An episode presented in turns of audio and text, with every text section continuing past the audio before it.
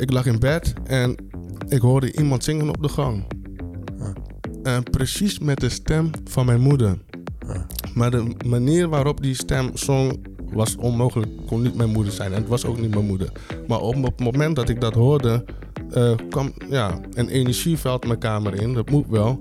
Want wat daarna gebeurde is, ik kreeg een ongelofelijke eh, stroomstoot. Weet je, het ging gewoon door mijn lichaam heen. Dat mijn rug letterlijk van mijn bed afkwam. Welkom bij de Goed Beter Best podcast van Move. Mijn naam is Henk Jan en als vrolijke PKN'er zoek ik met de katholieke Paul en evangelische Godwin uit wat het leven nou goed, beter of best maakt. Iedere week gaan we met elkaar in gesprek en behandelen we de onderwerpen die er echt toe doen. Misschien ken je de verhalen van mensen om je heen, van films of heb je zelf bovennatuurlijke dingen meegemaakt. Vandaag hebben we het over occultisme en dat is een ingewikkeld en ook beladen thema. Geloof je erin of niet? Moet je er bang voor zijn? En moet je het er überhaupt over willen hebben? Vandaag schuift Carlton Mercelina aan. Hij is door een duistere fase in zijn leven gegaan nadat hij actief zocht naar de geestelijke wereld. Vandaag deelt hij zijn verhaal met ons, want zijn verhaal werd een getuigenis toen God hem bevrijdde van de demonen in zijn leven. Ehm, even zien. Nou, Carlton, eh je bent aangeschoven. Hartstikke leuk. Eh, Ja. we, we begonnen alweer over mayo en over kippen. En nou, we gaan jou een beetje leren kennen. We gaan het hebben met jou over best wel een heel stevig onderwerp. Mhm. Occultisme, eh, de duivel, geesten. Ehm, wat, wat, nou, wat moet je daar nou eigenlijk mee? Hè? Eh, geloof je erin? Nou, ik denk dat we er allemaal wel in geloven, daar niet van.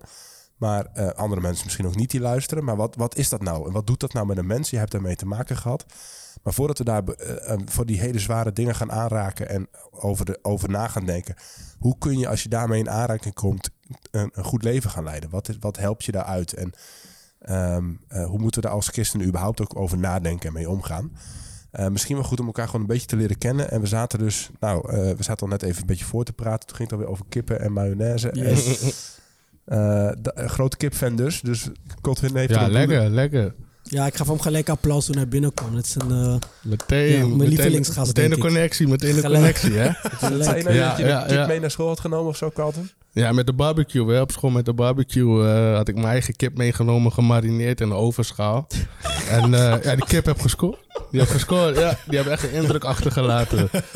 Oké. Ja, ja, ja. Hey, en ehm, misschien eh, een, oh, trouwens nog iets wat jij en Godwin in, in common hebben. Althans, Godwin leeft ook met een hele hoop eh, klein gespuis. Kinderen heet dat. En eh, dat geldt voor jou ook. Godwin is gezinshuisvader. Ja. Nog geen eigen kinderen. klopt. Oké. Eh, jij bent nog, nou, bijna nog voortvarender van slag gegaan. Want je bent 33 en je hebt hoeveel kinderen? Zes. Wow! Vader van zes kinderen. Ja, ja, ja. ja, Strijden. ja. Hey, en, Zes kinderen. en, en, eh, eh, loop het lijntje, eh, li- lijstjes even met ons af. Hoe heten ze? En Nou, leeftijd. da- ja, ja. Nou, één meisje en vijf jongens dus. En de meisje is de oudste. Eh, die is 13 jaar. Die heet Tishaira. Daarna komt Isaiah, die is 9 jaar. Daarna komt Josiah, die is 7 jaar. Daarna Jeriah, 5. Benaya, 2 jaar. En daarna komt Zechariah, ehm, die is 8 maanden. Zo, oh, Dus nou, eindigen- gefeliciteerd. Ja. Ja, dat is, dat is strijden. Maar ik zou het echt... Als je nou de, vol- de volgende zoon krijgt, noem hem dan gewoon Piet. Allemaal Ayas, Ayas, Ayas. Jan of zo. Dat, dat zou wel makkelijker zijn voor de, voor, de, voor, de, voor de leerkrachten Ja. op school. Hè? Die moeten echt oefenen. Of die halen de namen door elkaar. Maar lijken Ja. je kinderen ook echt op elkaar? Zal je denken dat ze tweeling zijn of uh, in dit geval? Nou, nou, je kinderen die lijken op zich best wel op elkaar. Hè? Een keer, eh, mijn zoon eh, die werd opgenomen in het ziekenhuis in verband met eh, gewoon astmaklachten. En ehm, toen liep ik de kamer uit met een van mijn andere zoons. En de arts had zoiets van, wat krijgen we nou? Neem je hem al nu mee naar huis? Weet je wel? Maar ja, ze leken gewoon op elkaar. Ja. Hey, geweldig. En je bent helemaal uit Winschoten hier naar Utrecht komen rijden. Twee, tweeënhalf uur tijd. Ehm, uit Ja, het hoge ja. noorden. Om met ons te praten, wat ik echt te gek vind. Je hebt ook, ehm, we leerden jou kennen door, ehm, door een eh, portretje wat je kunt vinden op de YouTube kanaal van Move. Waarin je vertelt over, over hoe jij met geesten en met nou, demonen in aanraking kwam, zeg maar, wat het met je Ja. deed. En ook weer hoe je ervan bevrijd werd. Dus daar gaan we uitgebreid naar, ehm, naar luisteren ook. Wat, wat maakt het eigenlijk voor jou belangrijk om dat verhaal te delen? Nou, ik vind het sowieso heel belangrijk om te delen, omdat, eh, weet je, het de geestelijke wereld, het is echt een, een realiteit. Weet je, het is gewoon echt. En eh, het wordt zo gepromoot ook in tekenfilms en gewoon in films op de televisie. En eh, mensen zijn erin geïnteresseerd en die zijn ook op zoek, is er meer tussen hemel en aarde. Dus die gaan ook experimenteren met eh, dingen zoals glaasje draaien en dat soort dingen. En komen zonder dat ze het weten in aanraking, weet je, met boze geesten. Huh. Weet je, en dat is, ja, dat wil je gewoon, dat, dat wil je niet hebben. Ja, jij weet hoe Nee. erg dat kan, kan zijn. Ik weet, ik weet hoe, erg, hoe erg dat kan zijn. En het overkomt niet iedereen. Maar bijvoorbeeld net zoals roken, weet je, roken is slecht voor je. Punt uit. Maar niet iedereen Ja, die rookt, maar niet, maar niet iedereen die rookt krijgt eh, longkanker. Ja. Snap je? Dus ehm, bezig zijn met occultisme en met de duistere dingen is gewoon slecht voor je. En niet iedereen raakt bezeten en gaat misschien gewoon helemaal gekke dingen doen. Sommige mensen merken er misschien niks van, maar je bent wel verkeerd bezig. Wow. Weet je, en het kan gewoon, het kan echt verkeerd aflopen. Ja, vind ik wel een hele wijze observatie al. Ehm, zullen we eens een rondje doen, jongens? Ehm, en en dan, dan wat uitgebreider bij jouw verhaal stilstaan. Lijkt Ja. me mooi, Carlton. Ja, En daarna gewoon eens doorpraten over van... Hey, hoe landt dat bij ons? En, en hoe ga je hier nou ook op een goede manier mee om als christen, zeg maar. Hè? Dus als je met dit soort verhalen of dingen in aanraking komt... eh, hoe moeten we dit duiden? Wat, wat, nou, dat. Het is, ik denk dat heel veel mensen het ook een beetje zo'n onderwerp hebben. Ja, boek je hier mee of dat? Nou, daar gaan we met elkaar achter komen. Ehm, even, even als het gaat om het occulte dus. Hè? Of het nou van glaasje draaien gaat of nou, dingen, gezien, dingen gezien hebben die of ervaren hebben of van anderen gehoord hebben. Zullen we gewoon eens een rondje doen? Wat zijn eh, bij ons drie en daarna, wat daarna uitgebreid het verhaal van Carlton. Wat zijn onze ervaringen eigenlijk? Carlton? Ehm, ja, ik, eh, ik vond het een hele interessante onderwerp, omdat het een onderwerp is waar ik me de afgelopen periode best veel mee eh, bezig hou. En dat heeft te maken met dat ehm, mijn vrouw, die bidt heel veel voor mensen ook thuis. En op een of andere manier, om de zoveel weken, komt er iemand bij ons en dan is er gewoon echt een hele bevrijdingssessie in huis. En in het begin dacht ik van ja, ik, ik, vond, ik, ik wist wel dat het gebeurde, zeg maar. Ik wist ook wel dat dit plaatsvond en dat het echt is. Alleen vond ik het altijd een beetje, een beetje ver van mijn bedshow. Totdat ik gewoon echt merkte dat mevrouw bepaalde, ehm, letterlijk gewoon sprak tot bepaalde geesten. En die spraken gewoon terug. Dat is gewoon echt heel gek. Maar wacht even hoor. Ja. Dus even van stap tot stap. Hoe komt jouw vrouw met, met die mensen in aanraking? Kijk, het is zo dat zij op een of andere manier... ehm, het zijn gewoon mensen die met ons praten. Gewoon doodnormaal gesprek. En dan op een gegeven moment vraagt ze... hey, kon jullie hebben gezinshuis? Leuk, mag ik een keer langskomen? Die komen langs, zitten met mijn vrouw op de bank. Hebben in, voor mij oog, in mijn ogen een doodnormaal gesprek. Ik loop even naar de keuken. Ik kom terug. Diegene ligt op de grond Wat te huilen. Echt gewoon, echt gewoon uit letterlijk te schreeuwen van hey, er komt iets uit. En ehm, eh, achteraf blijkt dan dat deze mensen allemaal dus inderdaad door middel van Winti en naar dat soort feesten zijn gegaan. Wat is Winti? Winti is een Surinaamse culturele. ehm, ehm, eh, ja, het is iets cultureels in het Surinaams. En eigenlijk een Winti op je krijgen is letterlijk een geest op je krijgen. Oh ja. En ehm, wat er dus gebeurt is dat sommige mensen gaan naar Winti. voorouders en zo. Ja, ook, ja. sommige mensen gaan naar Winti Praise. Dat wil zeggen dat is een feestje waar er dan die geesten worden opgeroepen. En dan lijkt het heel onschuldig. En die staan daar, die zijn misschien drie, vier jaar en vinden het leuk. En dan groei je op en op een gegeven moment neem je allemaal geestelijke dingen mee waar je helemaal niet bewust van bent. En dan mevrouw die praat eigenlijk met die mensen en op een gegeven moment begint ze te bidden met ze. Ze vragen dan, ja, ik voel altijd bijvoorbeeld... Er was, Maar even, even, want je gaat heel snel. Dus er is een moment dat je gewoon over koetjes kalven zit te praten. Oh, leuk Ja. huis hier. En, eh, oh, en het toilet, eh, klapt die dicht of eh, Ja. niet? Of, en dan heb je zo'n gesprek. ja, en dan gaat En dan bijvoorbeeld- opeens zegt je vrouw, zegt ze iets. Wat, Nee, het gaat bijvoorbeeld over kindertijd dan. Dan hebben ze het over Ah, hoe ben je vroeger opgegroeid, hoe is je familie, wie is dit, wie is dat. En dan vertellen ze hoe ze vroeger zijn opgegroeid en dat ze bijvoorbeeld vroeger naar ehm, feesten gingen. En dan vraagt mevrouw, nou wat voor soort feesten waren het? En dan leggen ze uit, uh, Winti-praise en we gingen dan dit en dit doen. Ehm, zelf dat iemand, mevrouw vertelde dat er bijvoorbeeld over haar heen allemaal ehm, eieren kapot werden gegooid op zo'n Winti-bijeenkomst. En dat was eigenlijk symbolisch dat diegene nooit meer kinderen kon krijgen. Dat ze gewoon haar vruchtbaarheid letterlijk kapot aan het gooien waren. En dan hoort mevrouw dat soort dingen. En dan stelt ze de vraag, mag ik voor je bidden? Want ik geloof dat hier geestelijk echt een, een, een verbondenheid aan vast zit. wat Ja, je moet ja. breken. En ehm, dan gaat mevrouw in gebed. En ik, ik moet echt heel eerlijk zijn. Ik weet niet wat God op dat moment doet. Maar mevrouw heeft echt een gave daarvoor. En dat is zo gek. Want ik maak het van dichtbij mee. Terwijl ik altijd zoiets had van, nou, dat geestelijke ding. Yo, ook, laat het maar. Ook Ja. als ik geen delen en mensen begonnen te schreeuwen, dacht ik, oké, get out of here. Ah, ja. Maar uiteindelijk merk ik gewoon, het is, ja, het is echt haar, En, haar en je vrouw begint te bidden en die mensen eindigen op de grond aan het schreeuwen. schreeuwen, rollen. ehm, Wow. En dan op een gegeven moment, wat gek is, dan praat ze. En dan zegt ze bijvoorbeeld, zij staat dan heel erg in de autoriteit, zegt ze dan. En zegt ze, in de autoriteit die Jezus mij heeft gegeven, ik wil weten hoeveel demonen zitten hier. En dan wordt er gewoon, en ik hoor gewoon een andere stem Wow. die gewoon antwoord geeft. En mevrouw zegt eruit in Jezus' naam. En ik denk, wow. Echt, echt, heel ziek. echt heel ziek hoe dat gaat. En op een gegeven moment zit diegene na een uurtje rustig weer op de bank, weer thee te drinken. En het is gewoon alsof er niks is gebeurd. Echt. En het is. Maar, Wauw, maar dan, dan is er wel wat gebeurd in dat leven. Dat hoor je dan daarna ook ja, weer da- terug? daarna ook weer. Bijvoorbeeld, er is ook iemand die bij mijn vrouw kwam, die kon geen kinderen krijgen, had ook met iets te maken. Um, en uiteindelijk heeft mijn vrouw met diegene gebeden. Ze is bij hun thuis geweest ook. En gewoon echt drie weken later werd ze zwanger. dat is gewoon echt heel gaaf hoe dat kan. En dat zijn, dat zijn getuigenissen waar mijn vrouw dan helemaal vol van zit. En dan vertelt ze dan dat ze super blij. En daar ben ik ook dankbaar, want ik, maak het, ik mag het van dichtbij meemaken. Goh. Boah, man. Zo. nou ja, die- hier, hier, die, zou ik al meer over willen weten. Maar, maar ehm, eh, nou, laten we eerst eens even het rondje even afmaken inderdaad. Paul, wat, wat, is, eh, eh, wat zijn jouw ervaringen met, met die geestelijke werkelijkheid? En ook met die, met die, ja, die boze krachten en machten. Nou, hier zal Colton een beetje om grinniken. Maar ik heb me er behoorlijk in verdiept met boeken. Ja, mijn vrouw Nee, zo kennen we- ook. zo kennen we begint al. ze- zo begint ze ook echt, ja. Nee, ik, eh, het heeft me altijd... eh, ik heb er altijd in geloofd. Eh, ik kom uit een, uit de katholieke kerk. En Ja. in de katholieke kerk... Nou, je hebt ook de rol van de exorcist. Ja, ja. En er wordt duidelijk ook hè, dat de, de duivel is natuurlijk om je aan te sporen tot zonde. Maar de duivel kan je ook bezeten. En ik heb ook best wel van getuigenissen gehoord. Ik heb er over heel veel gelezen. Ik heb ook heel veel boeken van exorcisten gelezen. Eh, ook wel documentaires gezien. Je hebt natuurlijk ook in Hollywood op een gegeven moment begonnen ook films zoals The Exorcist, The Exorcist van Emily Rose en een aantal andere films Ja, begonnen ja. op te komen.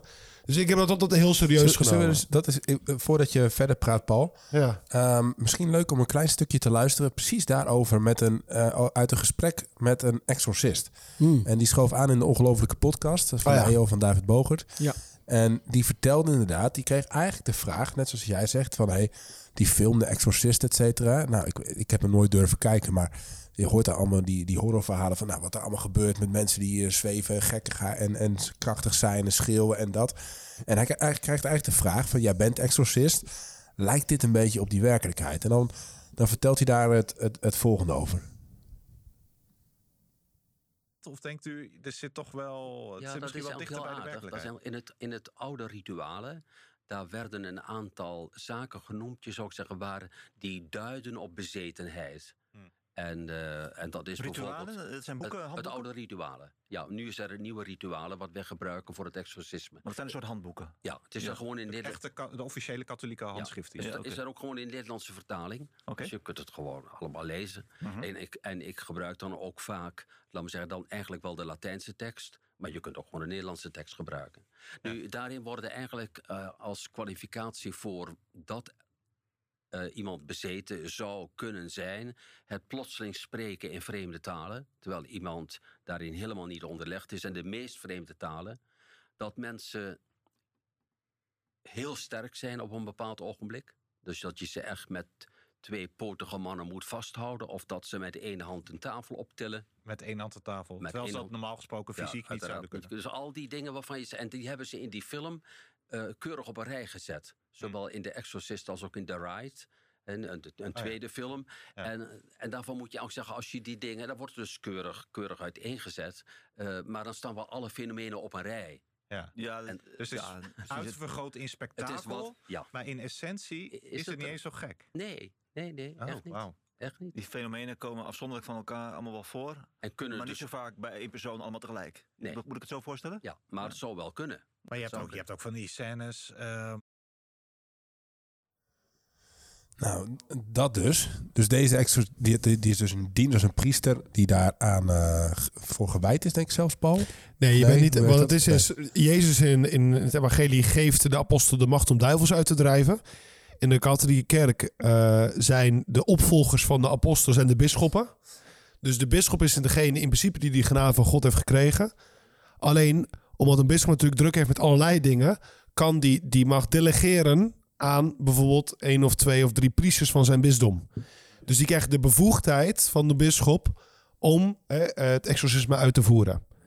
Eh, dus het is een bisschoppelijke macht die kan gedelegeerd worden aan een priester. Ja, dus in jouw leven, in de boeken die je leest, maar in, in de traditie, in de katholieke Ja. traditie ook, zeg maar. Nou, dit, dit verhaal van die, van die exorcist, die priester is heel duidelijk. Dat, dat, i- daar geloof je in. Dat is onderdeel ook ja, van jou. absoluut. En ik zeg ook aan mensen van, maar ik zeg dat niet uit eigen ervaring, maar om- omdat ik wel heel veel heb, over heb gehoord. En daar zal jij ook wat meer over spreken. Van Ja. speel daar absoluut niet mee, want ze bestaan. Nee. En ze mhm. kunnen je het leven heel zuur maken. Ja, dus ik. En eh, zeker tegenwoordig had ook heel veel mensen denken van ja, duivel is symbolisch. Hè, het is niet. eh, En dan denk ik, nou. Nee, dus, maar dat, dat is eigenlijk mijn. Maar godzijdank heb ik zelf niet eh, persoonlijk niet in aanraking gekomen met. eh, En, verhalen van mensen in je omgeving, vrienden of familie Ja, ja, of dat anderen, dat wel, Ja, die, daar, die daarmee te maken of vrienden hebben van me die zitten bij bepaalde bewegingen. bijvoorbeeld, je hebt een aantal charisma van de meer charismatische christenen. Die, die vergezellen vaak de priester bij een exorcisme. Want Jezus zegt ook heel duidelijk van... Mhm. je moet ook heel veel bidden. En sommigen gaan alleen weg met vasten. Ja. Dus die zijn aanwezig met gebed. En vaak al hè, met veel gebed. En die doen ook vasten veel bij exorcismes. En ik ken wel mensen die erbij zijn geweest. En die hebben gewoon gezien hoe die dingen gebeurden. Die hier beschreven worden. Wat Godwin ook zei, et cetera. Ja. Oh. Dus ik heb, ik heb, ik heb genoeg eh, verhalen gelezen. Ook in kranten trouwens. Van journalisten die sceptisch waren. En van al die exorcisten om te zeggen... Ja, weet je, dit, dit is voor mij zo overduidelijk... Dat dit bestaat. Ja, dat dit bestaat en dat je hier absoluut mee moet spelen. Ik, ik, voor mij is het heel duidelijk, ja. En voor jou, uh, Henk-Jan, heb jij dit... Ja. Nou ja, ik, ik, eh, ik heb er altijd een beetje een, dubbele, een dubbel gevoel bij. Ehm, eh, enerzijds ben ik natuurlijk ook gewoon onderdeel, ben een kind van mijn tijd en onderdeel ehm, van deze maatschappij. Ben ik een vrij nuchtere gast, als journalist eh, eh, geschoold. Dus om dan achter elke struik een demon te zien, zeg maar, of, eh, of, of nou dat hè. En, en ook de, ik zie ook wel dat er heel veel, dat het kwaad ook vaak symbolisch is en in ons zit en nou, eh, en dat het ook vaak wel een soort van culturele dimensie heeft. Of dat het. Nou, dus, dus ik heb het, weet je, we zijn hier best wel, ik ben best wel nou, eh, rationeel. Of ik probeer daar nuchter naar te kijken en ook wat kritisch naar te kijken. En niet achter elk verhaal of ding wat ik hoor, dan te denken, nou, zit er zit een geest of iemand is bezeten of dat. Dus, dus dat is, dat is de ene kant. Maar de andere kant is, is dat ik, eh, nou, bijbels gezien, ehm, eh, echt wel geloof dat dit soort dingen bestaan. En dat ik ook te veel voorbeelden toch van uit mijn eigen. Nou, ik heb er zelf niet zo, niet zo. eh, Ik heb er eigenlijk nooit echt iets mee te maken gehad zelf. Dat, maar wel te veel verhalen van mensen in mijn omgeving gehoord. die er wel mee te maken hebben gehad. En dat zijn. Ja, dat zijn iemand die ik heel goed ken, die, die geen christen is, maar die ooit wel zeg maar met dit soort, dit soort dingen. Eh, ge- ja, eh, gekke dingen heeft gedaan. Die dan zegt: Ja, ik zag gewoon een, een boos oog op mijn beslagen douche, douchecel Zo. eh, verschijnen. Zo. Zoiets, Zo. hè? En, Zo. ja, en, en, en, da, en dat is iemand waarvan ik die, die, die, die, die, dat echt niet loopt te verzinnen, zeg Ja, maar. Dat ja. is gewoon die, die, die niet eens per se gelovig is of zo. Of die dat, die dat wil zien, maar dat het gewoon te maken mee heeft gekregen via iemand anders. En, nou, en, en dat heeft impact. En ook eh, een vriendin van mij die nou, met een voodoo-vloek te maken heeft gehad. Na, na bezoeken in, eh, in, eh, in, in andere landen. Dus dat zijn gewoon mensen die heel dicht bij me staan. Ja. Die, die daar in ieder geval hun persoonlijke getuigenis is dit en dit en dit. En dan denk ik, ja, die mensen die, die, die neem ik heel serieus in wat ze. Waarom zou ik ze niet serieus daarin nemen, zeg Ja. maar. Er is geen enkele aan. Dus, dus ja, ik neem dat serieus. Ehm, en ehm, ik ben eigenlijk wel benieuwd naar het verhaal van Carlton en van anderen. Om nou, daar wat meer grip op te krijgen. Van hé, hey, waar hebben we het nou over? En, ehm, en hoe ga je daarmee om? Ja. Dus, Carlton. ehm, wil, je eens iets delen? Even gewoon bij het begin, zeg maar. Hè? Ja. Hoe kwam jij hiermee in aanraking? Ehm, ja, om te beginnen, weet je, vanaf kleins af aan al ehm, was er wel in mij een- ja, de, fascinatie met ehm, spiritualiteit. Weet wel, als klein kind heb ik altijd wel al, al geloofd in God. Eh, ik ging ook met mijn moeder naar de kerk. Dus ik geloofde ook in Jezus. Ik, ehm, dus ja, voor mij, eh, God, het geestelijke wereld, ja, dat bestaat allemaal. Dat is echt. Weet je, dus die overtuiging, die had ik sowieso. Ehm, maar daar heb ik voor de rest niks mee gedaan. Ik ben met mijn moeder naar de kerk, eh, naar de kerk gegaan tot mijn twaalfde jaar. En toen eh, had ik geen interesse meer om met mijn moeder naar de kerk te gaan. Eh, dan bleef ik gewoon thuis, mijn eigen leven, op straat met vrienden en dat soort dingen. En ik denk vanaf mijn achttiende zo, dat ik echt, dat die in, interesse in, er is meer, er moet meer zijn en ik wil het ook ervaren. Ik wil het ook zien, ik wil het ook voelen. Ehm, als wij een geest hebben, als wij mensen zijn en we hebben een geest en we hebben geestelijke zintuigen en, wij, en, en, en ook geestelijke vermogens, hè, om, bekwaamheden om, om bepaalde dingen te doen, eh, voorwerpen laten bewegen, zweven of wat dan ook. Eh, dan wil ik dat ervaren, weet je, dan wil ik dat ontwikkelen. Ehm, als geesten bestaan, dan wil ik het ook zien, dan wil ik het ook horen en voelen. Eh, dan wil ik daar ook mee kunnen communiceren. Dus ik werd gewoon ja, helemaal gefascineerd en een beetje obsessed eigenlijk met de supernatural. Ja. En, en ja, Colton? Wat hoopte je in, Ja. in- op dat moment ehm, uit, uit je reis te halen? Dus dat je wel dingen kon laten zweven of dat je kon zeggen van nou, ik heb het eh, bewezen. Wat hoopte je eigenlijk in die zoektocht te vinden? Ja, ik, ik, ik denk niet dat eh,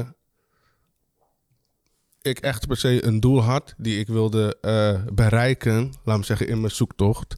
Eh, ik denk de enige doel wat ik dan had op dat moment is dat ik gewoon, eh, ja, datgene wat onzichtbaar is, dat het tastbaar wordt. Dat het tastbaar wordt in mijn leven.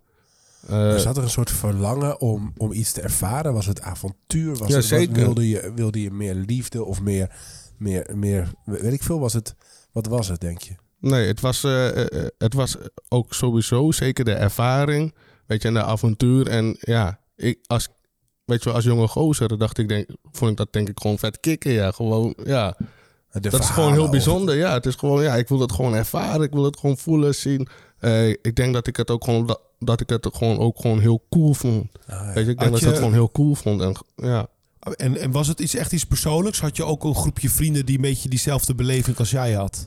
Het was, nee, het was echt persoonlijk. Het was echt heel persoonlijk. Ik bedoel, ik heb wel verhalen gehoord hier en daar van andere mensen, wat hun, wat hun hebben meegemaakt. En daar luister ik dan gewoon heel aandachtig naar. En weet je, net zoals eh, geloof komt door het, door, door het gehoor, hè? Door, door het horen. En ook door te, door te horen van dat soort verhalen. eh, ja, ging ik dat ook gewoon echt geloven. En ja, als dat dan echt zo reëel voor iemand anders is, dan kan het ook heel reëel zijn voor mij. Maar het was echt iets heel persoonlijks. Ja.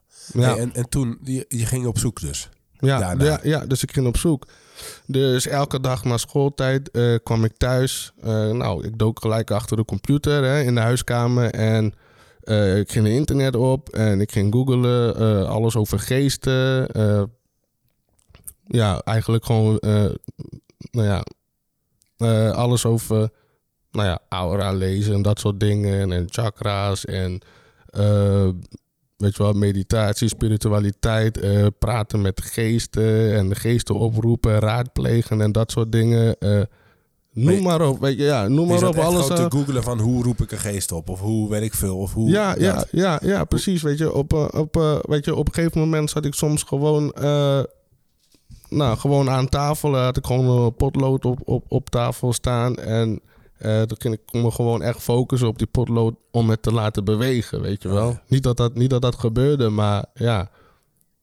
Ik geloofde gewoon echt in die geest in mij, eh, nou, dat ik daar dingen mee kan doen. Hey, en wat gebeurde? Je ging op zoek, online dus. Nou ja, ja, als je naar Wikipedia gaat, dan gebeurt er misschien nog niks, denk ik. Maar wat, Ja. op een gegeven Ja. moment, je, je zat daar een beetje, je groeide daarin. Wat gebeurde er? Nou goed, dus na een tijdje eh, me verdiept te hebben in dit soort zaken. Hè, dus zoals ik zei, ik was op. Dus ik, ik ging, ging googlen, dus alles over geesten. Eh, nou ja, niet, niet echt onderwijs, maar voornamelijk ook gewoon verhalen van mensen die geesten hebben gezien of die met geesten communiceren. Weet je, op, op, op, op, op, een gegeven moment ben ik hier dan zo lang mee bezig geweest. ehm, dan zit ik in mijn eentje in de huiskamer en heb ik ineens heel sterk het gevoel dat iemand naar mij eh, staat te kijken. Uh-huh.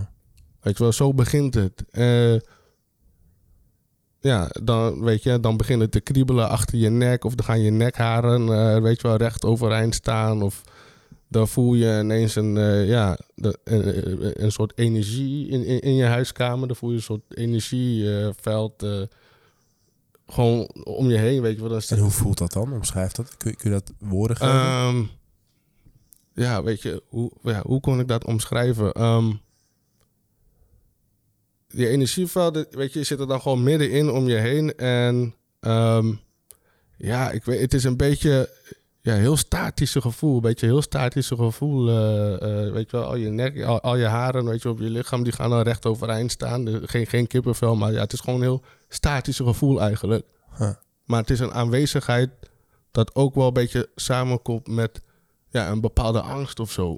Ja, Ja, Je was ook ja, bang. ja het was wel eng. Ja, het is wel bang. Het is eigenlijk best wel eng, inderdaad. Maar dacht je niet Ja. juist van, oh yes, het is me gelukt. Ik ben eindelijk in die geestelijke welm waar ik zo graag naartoe wilde, wat ik opzocht. Nou, nou, nou, nou ja, dus ik maak dus deze dingen mee. Dus ik begin dingen eigenlijk in eerste instantie begin ik dingen te voelen.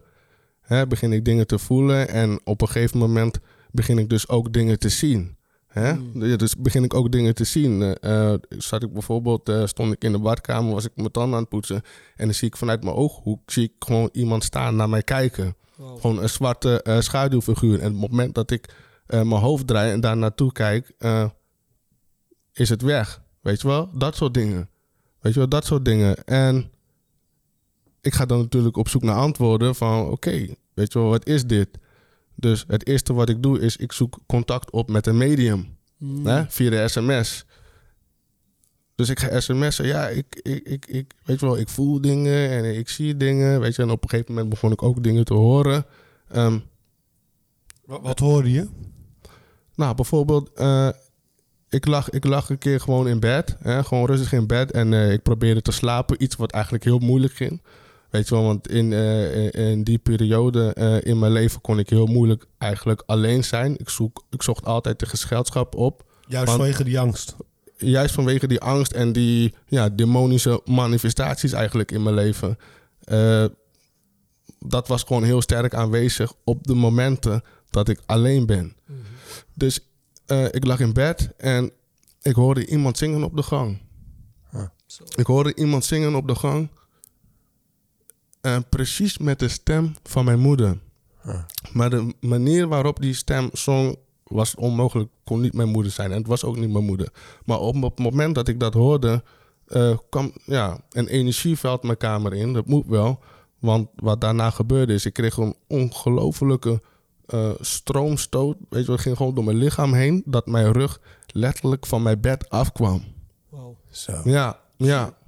Gewoon omhoog. Omhoog, ja, ja. Weet je, het is net alsof, eh, weet je, als je iemand aan het reanimeren bent, dat ze zo'n stroom, zo'n stoot, eh, stroomstoot krijgen.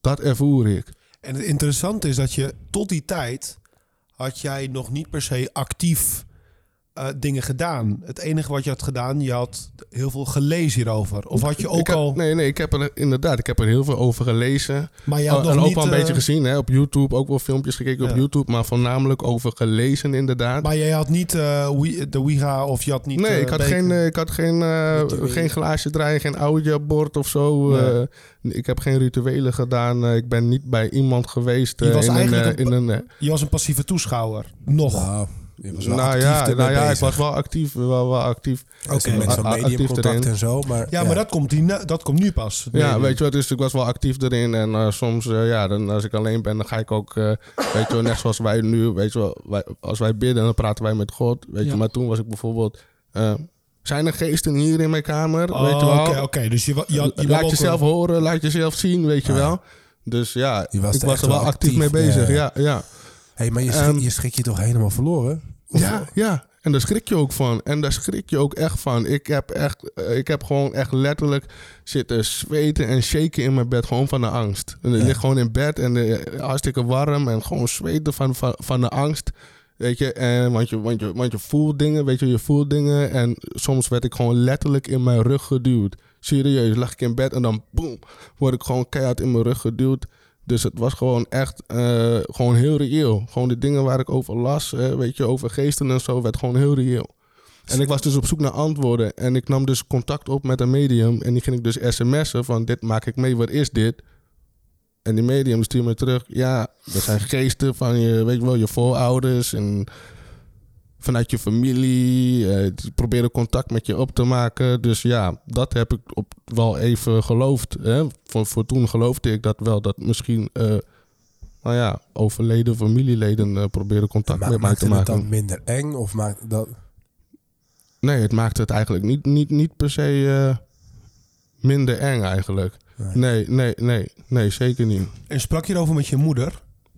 Ja, zeker. Ik heb met mijn moeder over gesproken. ehm, ja, maar mijn moeder heeft me niet echt... eh, nee, volgens haar eh, nou, had ik eh, last van hallucinaties en, en dat soort dingen eigenlijk. Maar als, Dus, als- je moeder was wel gelovig of is gelovig? ja, ja, Had ze daarin dan niet zeker. ehm, het gevoel van... oké, dit is wel echt een geestelijke strijd waar jij nu... of had ze zoiets van... nee, ik hou me daar verder Nee. van. Nee, nee, nee. Zij gaf me echt het gevoel van... eh, ja, daar heb ik wel eens eerder over gehoord. Weet je wel, hallucinaties. Weet je wel, mensen die dingen horen en zien. Maar niet, eh, echt, niet, mij echt niet echt de erkenning gegeven van... oké, ja, je maakt hier echt eh, ja, geestelijke dingen mee. Hè, want want eh, ik wil zo meteen nog wel meer weten over wat er daarna gebeurde. En, en ook weer hoe je, er, eh, hoe je ermee kon breken. Ja, Maar je zegt het nu zelf, zeg maar hallucinaties bijvoorbeeld. Hè? Als je dit luistert, kan ik me ook goed voorstellen dat je denkt van ja, misschien heeft hij heeft hij toch maar ingebeeld. Of misschien gebruikte hij wel drugs. Of misschien had hij psychische problemen. Was er iets daarvan aan de, hand, aan de gang bij jou of niet? nee, nee, nee. Nee, op dat moment, weet je, ik kon het gewoon niet accepteren...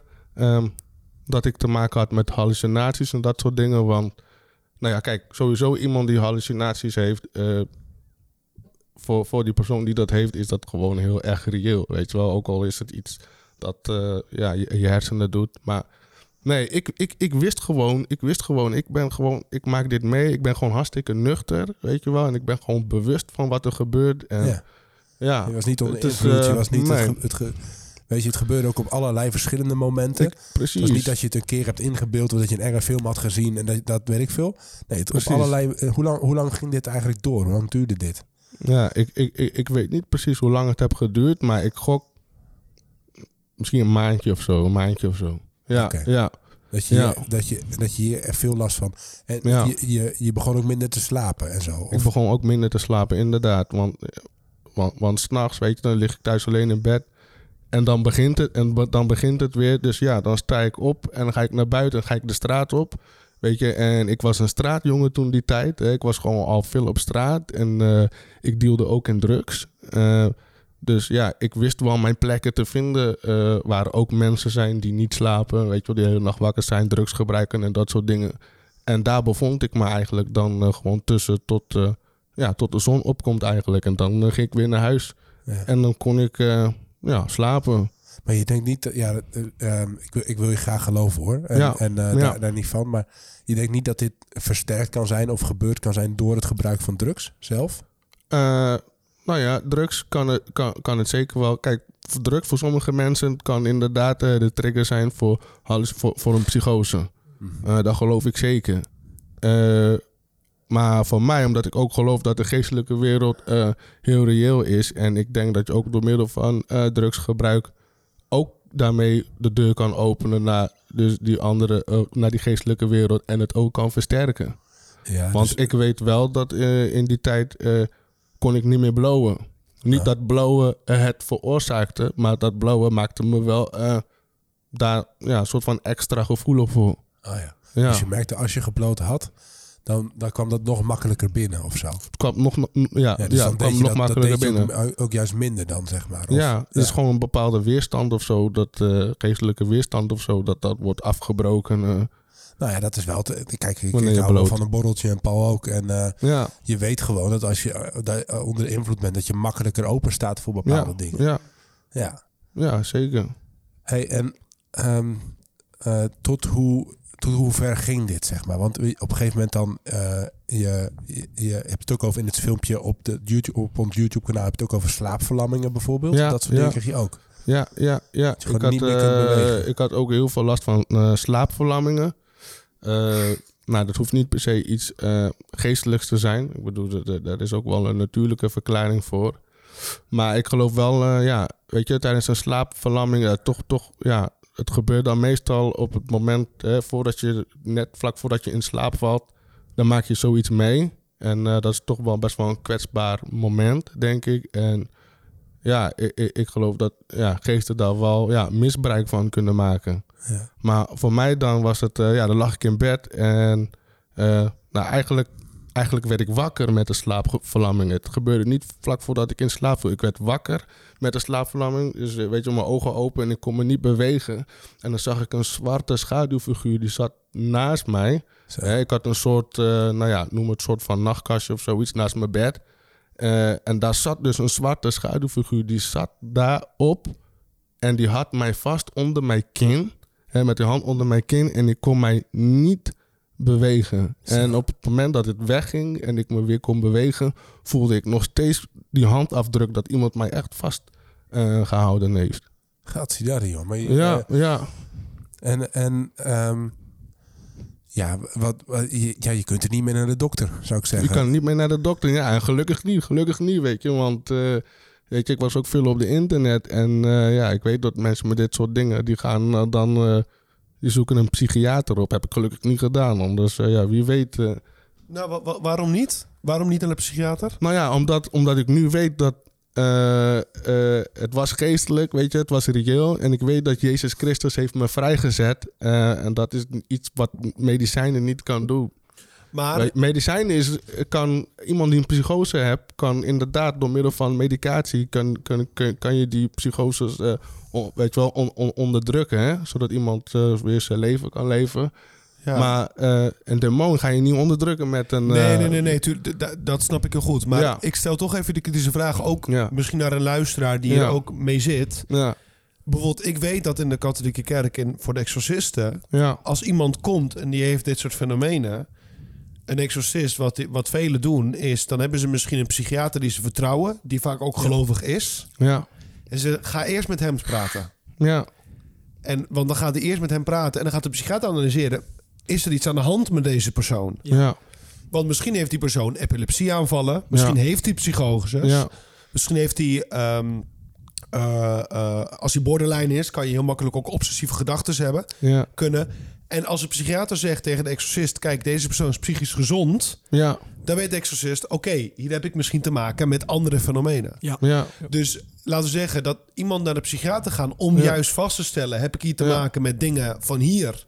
of dingen van daar... ja. In je hoofd. Je wijst je in- hoofd. ja, Ja. in mijn hoofd of van de geestelijke... Mhm, mhm, Ik mhm. bedoel, voor jou is het goed afgelopen. Maar Ja. ik zou ook niet de, luisteraar misschien de indruk Nee, kunnen wekken... nee. dat het niet goed is om naar de psychiater nee. te gaan, Ja. toch? Ik weet niet hoe jij daar naar kijkt. Nee, nee, klopt. Ik weet dat, eh laat me zeggen, ex- exorcisten dat, eh, dat zo te werk gaan daarmee. Maar ja, het is goed dat ze dan daarin gewoon samenwerken en dat dingen Ja, gewoon toch? echt goed Ja. naar dingen wordt gekeken. En eh, kijk, ik bedoel, voor mij achteraf is het beter geweest. Maar Oké, ja, Ja. stel je voor als ik wel, eh, weet je, een, een, een, een, een psychiatrische Natuurlijk, ziektebeelden ja. had, hè, ja, dan had het misschien voor mij wel goed geweest. Nou, je, eh, je, eh, werkt, je werkt in de zorg en, je, en Ja. dus je, je, je weet er ook wel iets vanaf. Dat, dat, zo klinkt het ook wel door. Dus Ja, je- dat ja. neem je ook serieus, denk ik. ja, En dat ja, moeten we ook serieus zeker, nemen. zeker. Ja. Überhaupt en hoe je mee omgaat. Ja. En, en mevrouw die adviseert mensen ook altijd, ook nadat ze met hun gebeden heeft, ga toch een professional opzoeken. Ah, ja. Niet dat Ja. zij geen professional is, maar ze geeft aan, ehm, omdat het zo geestelijk is. De Bijbel zegt ook dat Mhm. wanneer een demon wordt uitgedreven, gaat hij naar dwarrele plaatsen, droge plaatsen.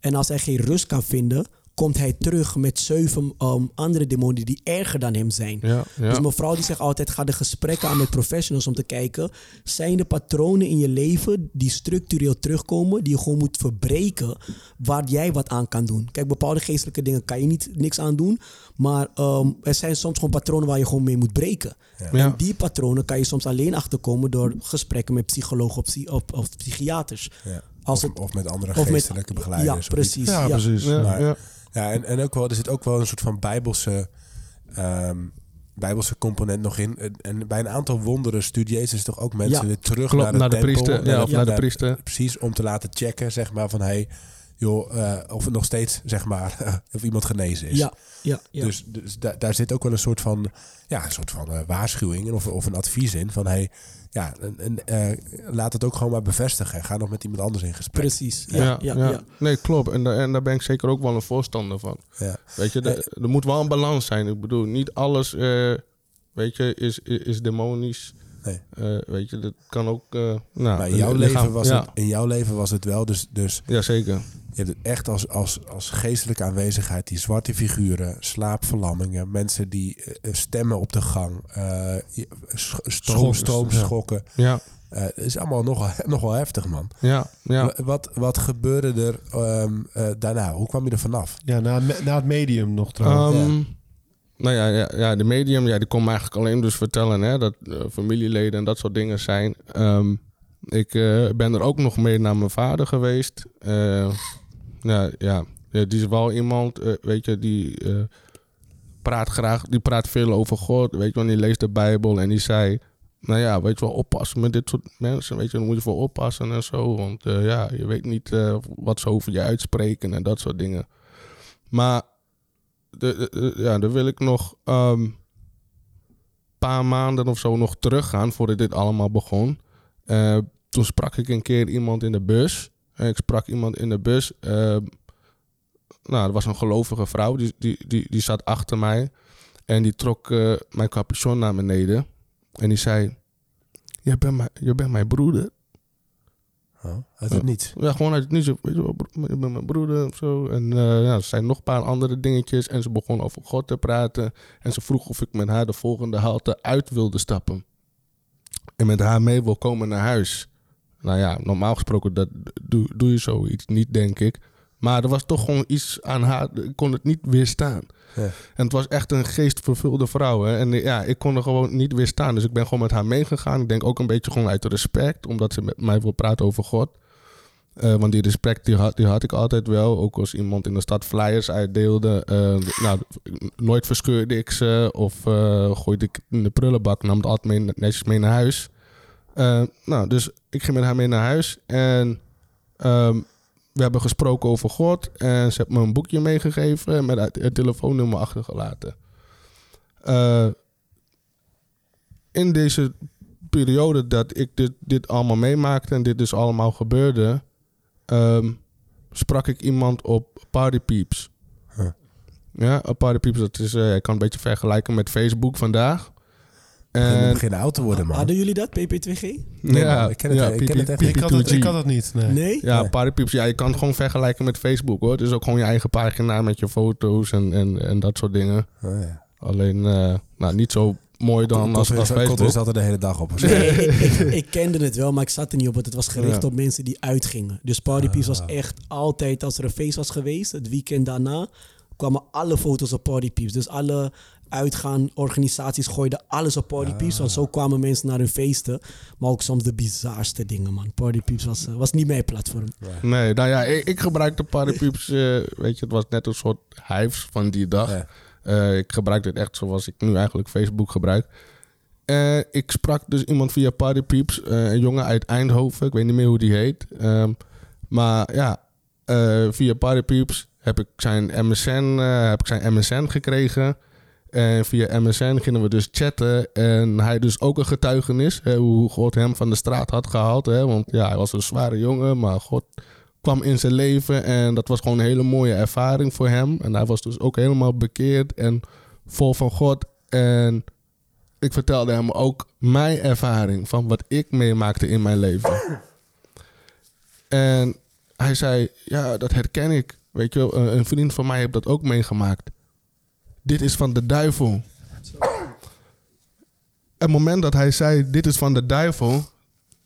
Toen ging er eigenlijk wel een, eh, ja, hoe noemen we dat? Een, eh, Een belletje rinkelen. Of... Precies. Toen ging wel een belletje rinkelen van... hé, hey, dit is van de duivel. Weet je wel? Want ja, ik, ik heb me laten misleiden door die medium. eh, ja, dat het geesten zijn van overleden mensen of zo... die contact met mij proberen te maken of wat dan ook. Ik geloofde er allemaal in. Maar nu ging een belletje rinkelen. Ja, dit is van de duivel. Dit zijn duivelse geesten. Zo. Dus ik heb Jezus nodig. Zo, ja. Want je Weet je kende wel- Jezus al wel een beetje van Maar- vroeger. nou, weet je, dat is dus grappig. Ik ben dus in de, in de kerk opgegroeid en ik geloofde in Jezus. Ik geloof in Jezus. Ik geloof dat hij de Zoon van God is eh, en dat hij stierf voor mijn zondes. Maar in mijn hele zoektocht heb ik geen aandacht, eh, geen gedachte eh, gegeven aan Jezus eigenlijk. Ik was alleen bezig met mezelf, hoe ik, eh, nou ja, dat kan vinden, geesten en dat soort dingen. Maar ik heb helemaal eigenlijk niet aan God of aan Jezus gedacht. Zo. Maar goed, er waren dus een paar lijntjes via Partypeeps. Die vrouw die je in de bus had aangesproken. Mensen Ja. die je weer een beetje... het belletje ging weer een beetje rinkelen. Van, hé, hey, misschien moet ik wel bij Jezus zijn. Misschien is, er, is daar ook, ook weer... Je wilde, denk, je wilde ook af van, van alles wat er aan het gebeuren was, denk ik. Of was dat nog een beetje...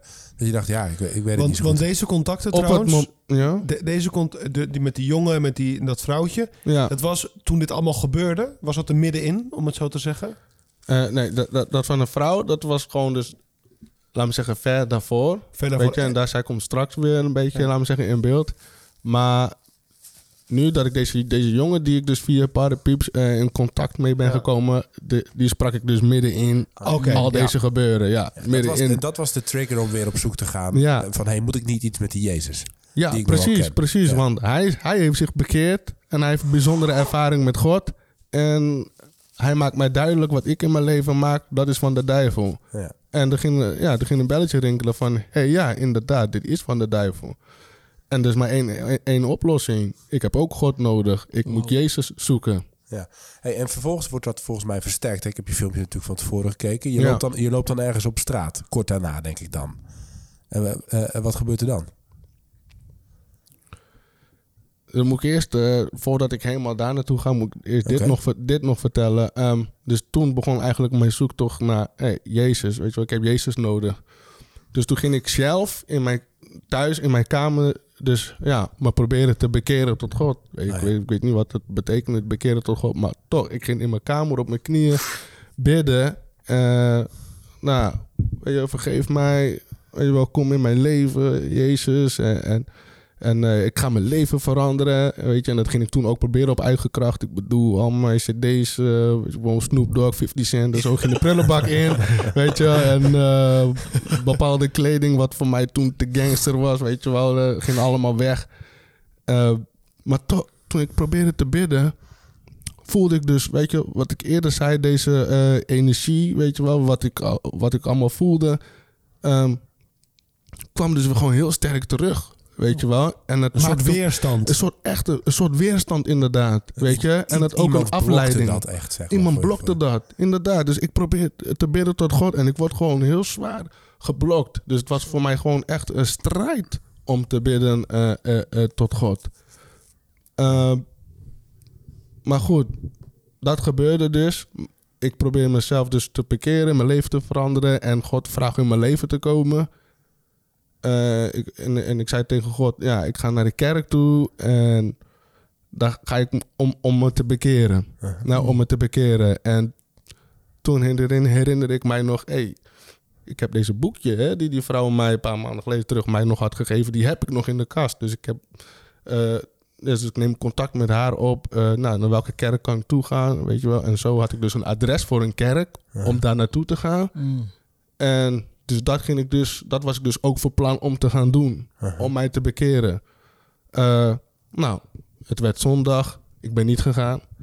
Eh, die donderdag daarna, koopavond in de stad. Eh, nou, we waren met jongeren op straat, gewoon een beetje gewoon aan hangen. En ik weet nog, die dag, het was mijn gebed van, nou, Heer, dat deze jongeren, dat hun ogen ook open mo- mogen gaan. Net zoals eh, u dat bij mij hebt gedaan. Eh, nou ja, om de, om, ja, om, om de waarheid te zien, weet je wel, om de waarheid te Dus zien. je voelde jezelf eigenlijk al wel christen. Je geloofde daarin, zeg maar. Maar je had elke keer moeite om, om die relatie met God in de kerk en in gebed, et cetera, te leggen. Er was iets wat blokkeerde nog. Ja? En toch kon je ook al wel bidden voor jongeren die dat nog helemaal niet hadden, zeg maar. Ja, ja, ja. Ja, want, Maar je- maar want je- vanaf, het moment dat, vanaf het moment dat het voor mij was... hey, ik heb Jezus nodig en ik probeerde te bidden... eh, denk ik, al, ja, was, is, was God eigenlijk al aan het werk in mijn leven. Ja. Ja, Ja, want ik begon dingen al anders te zien en eh, ik, probeerde al, ik probeerde mijn leven te veranderen. Dus er was wel iets gaande eh, in, in, in mijn hart. God was wel al aan het werk. En die donderdag kwam ik dus een groep mensen tegen in de, in, in, in de stad. Ze hadden allemaal blauwe t-shirts aan. Eh, ze waren aan het evangeliseren en voor mensen aan het bidden. En ja, voor een of andere reden, ik werd gewoon heel enthousiast toen ik hun zag in de stad. Ook voor de jongeren bidden. Ik dacht, wauw, weet je wel, dit is eigenlijk zo'n beetje waar ik voor gebeden heb. En eh, mevrouw benaderde ook mij en die had ook voor mij gebeden. En ik zei, ja, ik geloof, weet je wel, ik geloof ook in Jezus. En ehm, ik ga zondag, uh, aankomende zondag, ga ik naar de kerk en weet je, ga ik mezelf bekeren. En die mevrouw zei, ah, je hoeft niet te wachten tot, eh, tot zondag, eh, tot je naar de kerk gaat om jezelf te bekeren. Dat kan je ook nu doen. Ja. Oké, goed. Dus, nou, we hadden, weet je, we hielden onze handen aan elkaar vast. En ik deed mijn ogen dicht en ik zei haar na. Dus, zij zei, dus, dus we we gingen een gebed bidden, gebed van bekering of zondagsgebed. Eh, we waren klaar met bidden. Zij ging weer verder bidden voor de andere jongeren. En ik stond daar.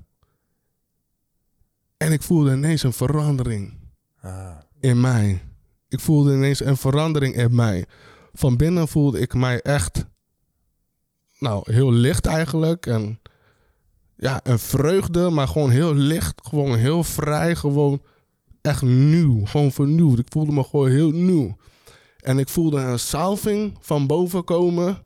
Hè? Mijn hoofd werd gewoon letterlijk gezalfd met olie.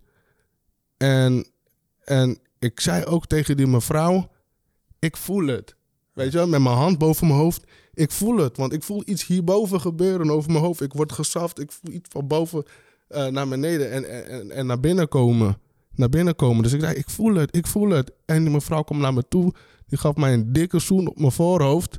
En ze zei, ja, vanaf nu ehm, ben jij mijn broeder.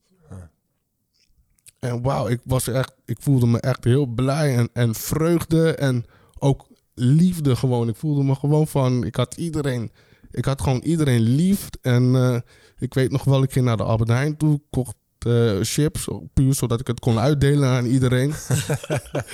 ja, ja, ja, heel raar. En dat, klinkt, dat klinkt als Godwin en als Paul. Iemand merkte ook op van, hey, wat, ben, wat ben je ineens zo vrolijk? Wat ben je ineens zo blij? Eh, ehm, eh, heb je een verkering of zo? Weet je wel, heb je een vriendin of zo? Weet je wel. Maar nee, het was gewoon de vruchten van God. Weet je, het was gewoon de Heilige Geest op dit moment dat ik gewoon echt ervaren in mijn leven. En die dag, eh, dat is voor mij ook mijn wedergeboorte. Dat is ook dat ik gewoon opnieuw geboren eh, ben. Ja, En hoe, hoe, Godwin. hoe was het na, na dat moment? Dat moment is zo enthousiast, je ervaart het en daarna ga je naar huis. Daarna ga ik naar huis. Ja, inderdaad. Daarna ga ik naar huis. Ehm, in, het- in het begin, in het begin ehm, wat ik dus voorheen meemaakte, dus met deze ja, demonische activiteiten. ehm, het was niet in één keer, boom, weg. Eh, het gebeurde nog steeds eigenlijk. Het gebeurde nog steeds. Maar ja, nu had ik God, dus nu had ik iemand om daarmee over te praten.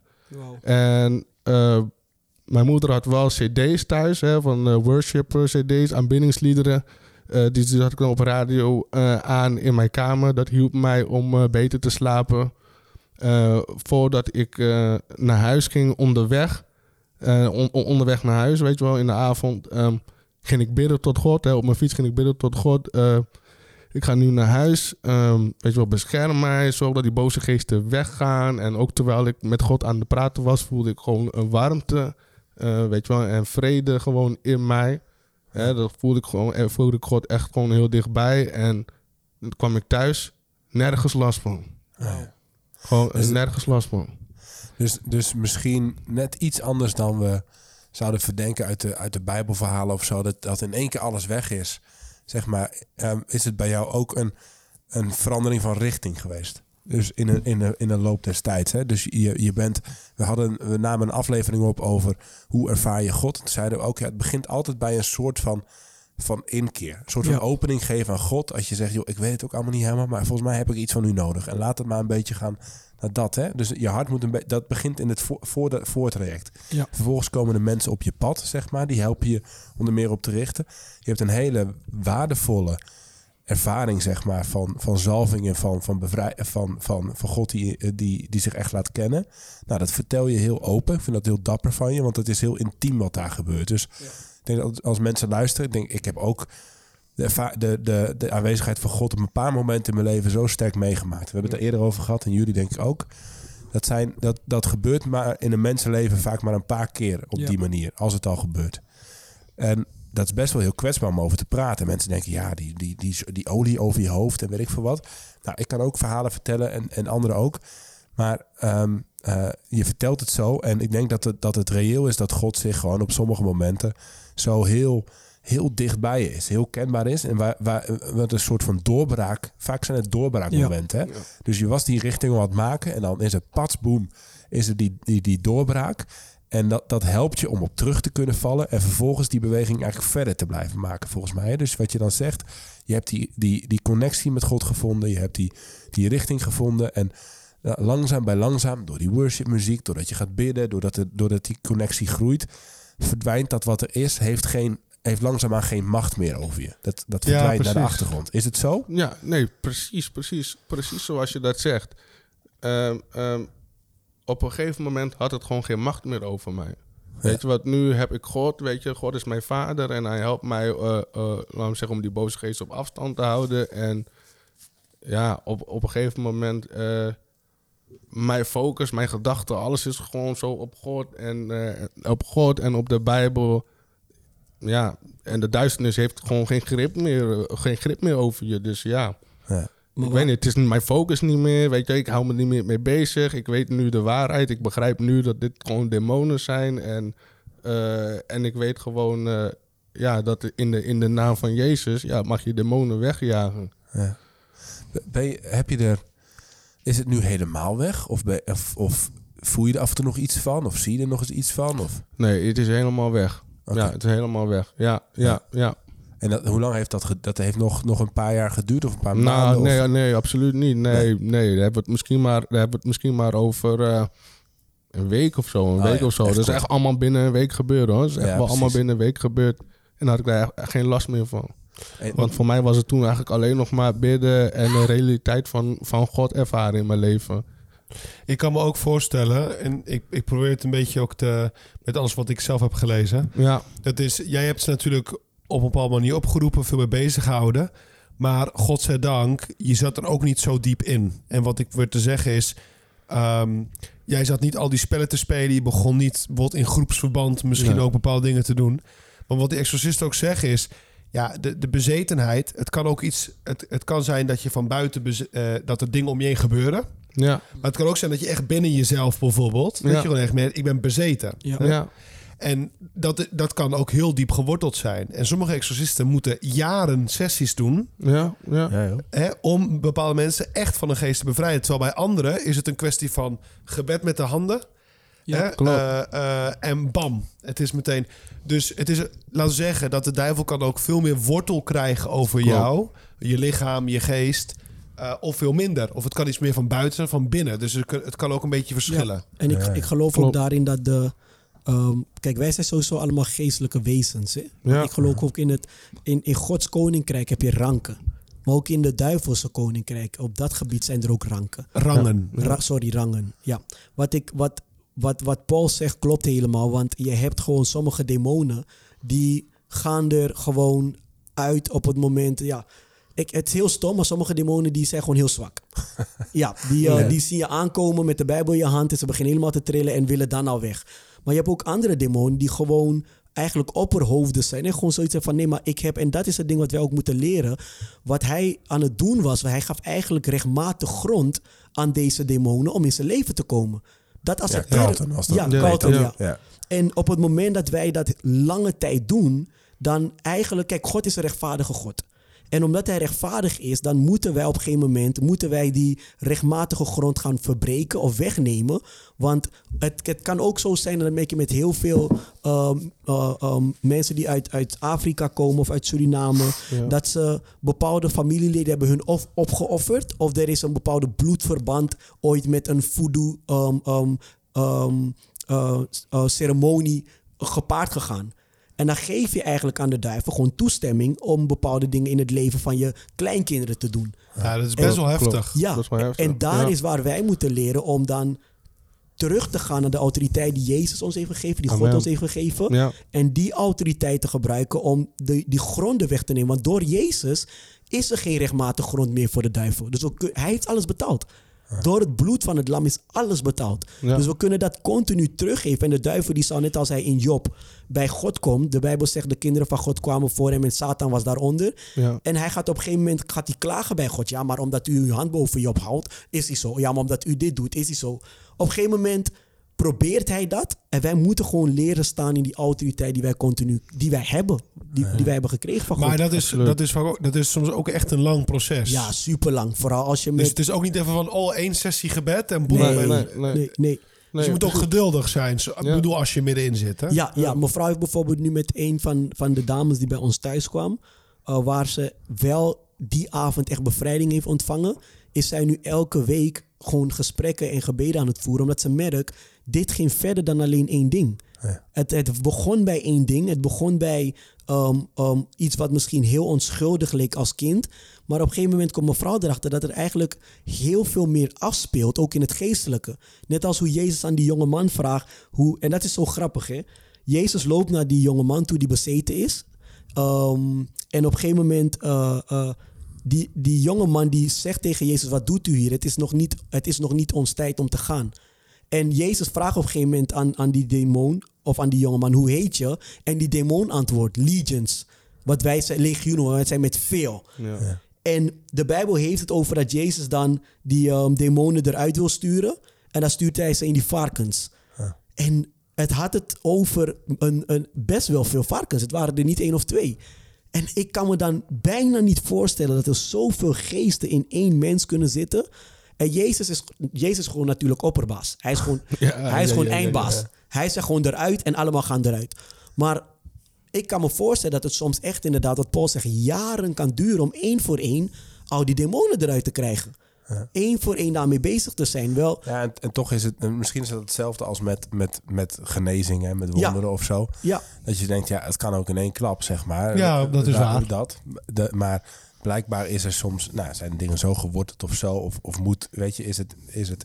Wonderen gaan ook over iets laten zien van, van wie God is in het koninkrijk. En niet per se over de, de genezing aan zich. Ja, dat, dat, het, dat het ook gewoon... ehm, ja, dat het, dat het soms ook tijd nodig ja, heeft. ja. Wat- Ja, en dat, en dat, zegt- en dat ja. het is soms ook nog weer verweven met dat psychische bijvoorbeeld. Hè, of met dingen Ja. die in, Ja. in het verleden mis zijn gegaan bij mensen. Ja. Dus je krijgt dan toch, ja, het leven is ook complex en mensen zijn complex. Dus het klinkt dan, als je alles, dat is het gevaar soms ook een beetje, dat je, ehm, ja, het hele krachtige getuigenis, eh eh, Carlton, heel- je verhaal en ook de dingen die jij vertelt. Ehm, dus daar, daar moet je niks van afdoen.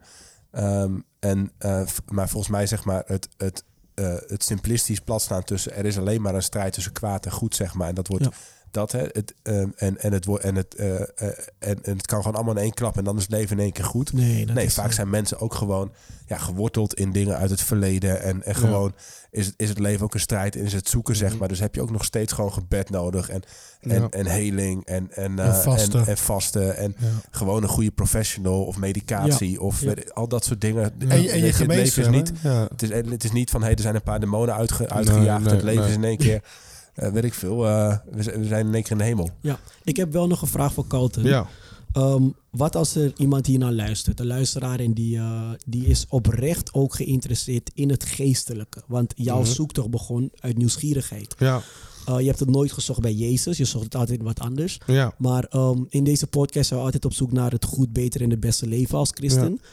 Wat kan je iemand adviseren die wel echt een honger heeft naar meer van het geestelijke? Waar moet die dat wel zoeken?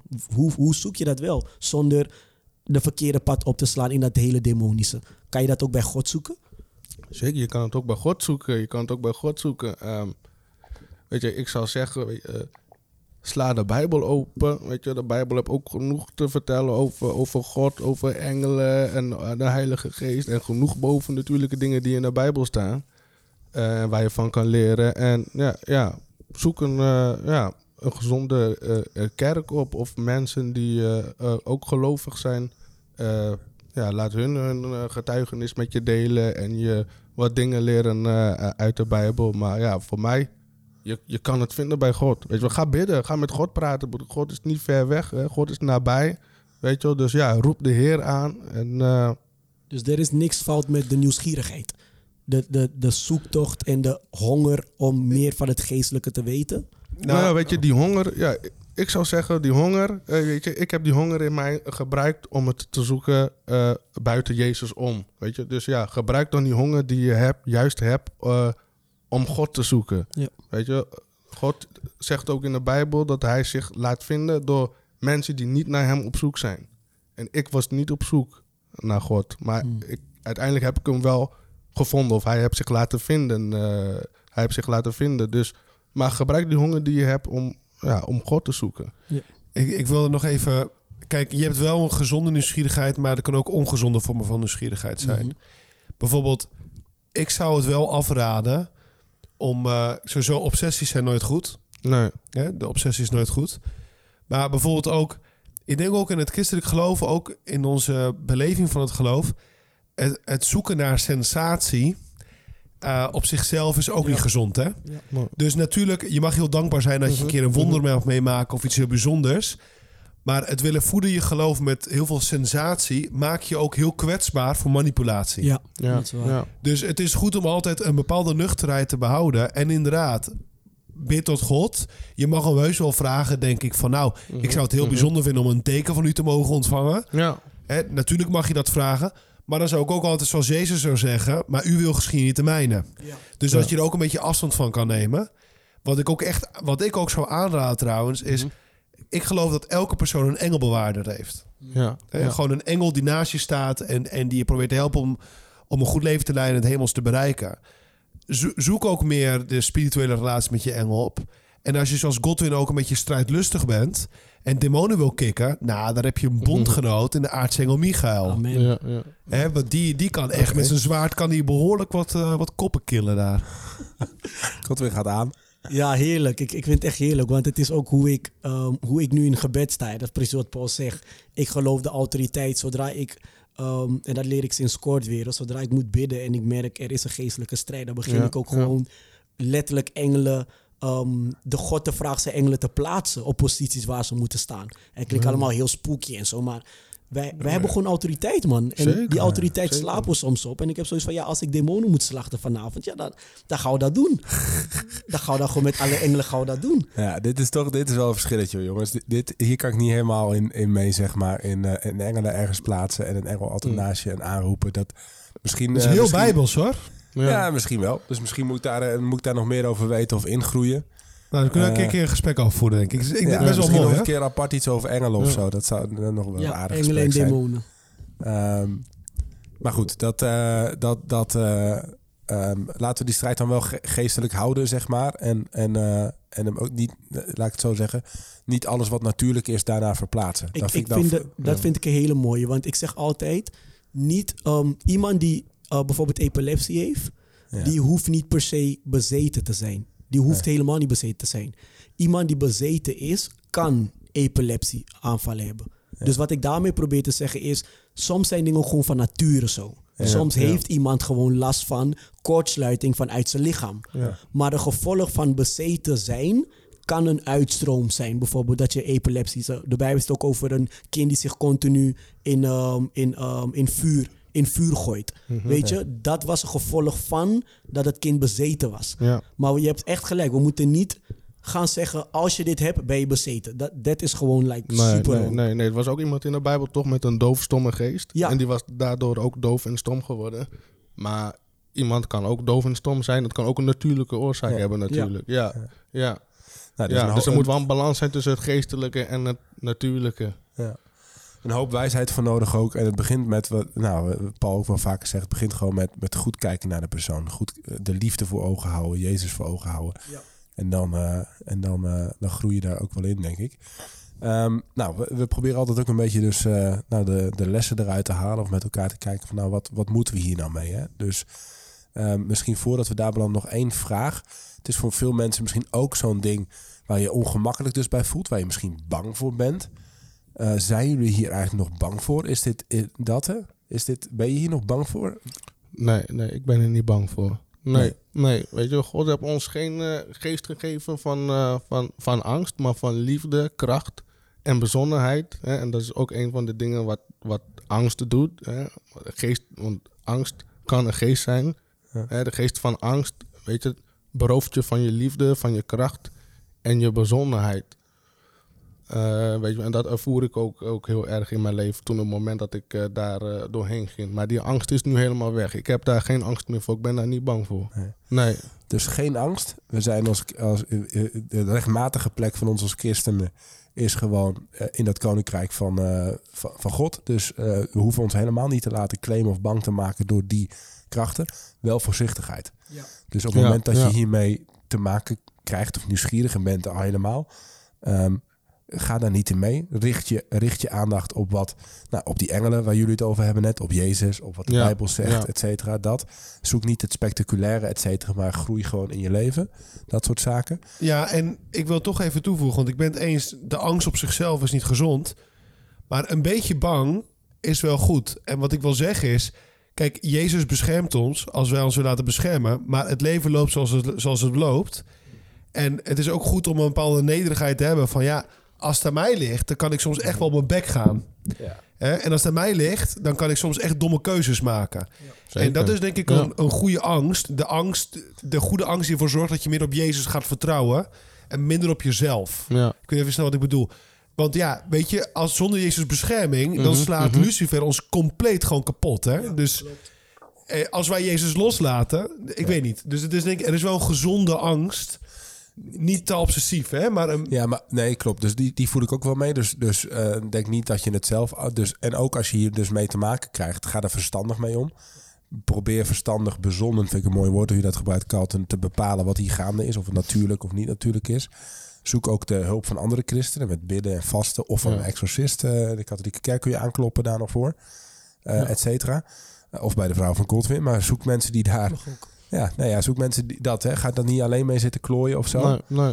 Eh, dat en ehm, eh, nou, nou ja, zo, zo even een paar elementen waarvan ik denk van nou volgens mij. en het is nooit te laat, hoe diep je er ook in zit. Ik bedoel, Jezus Nee. kan alles genezen. En hij kan je altijd redden. Precies, precies. Weet je, de, ook, net, net zoals die verhaal hè, die hij vertelde over die man met die legioen demonen. Ook al had hij zoveel demonen, hij kon nog steeds naar Jezus rennen en eh, op zijn knieën gaan voor Ja. Jezus. Dus eh, ja, dus toch nog je eigen wil heb je toch nog altijd wel, eh, is toch nog wel altijd aanwezig. Cool. Eh, dankjewel, eh Carlton. Heb je nou naar geluisterd en zit je hier mee? Op wat voor manier dan ook, hè? Ja, ehm, klop gewoon bij ons aan. Zo simpel is het.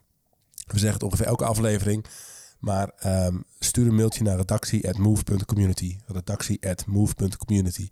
Zoek Paul Graas op. Of Godwin eh, Arhin. Of Henk-Jan van Manen. Of Carlton. Weet je eigenlijk, eh, wat is je achternaam ook alweer? Mercelina. Mercelina. Nou, ehm, kom op de, op de lijn en we helpen je echt verder. Dus ehm, dat. Ciao. Ciao.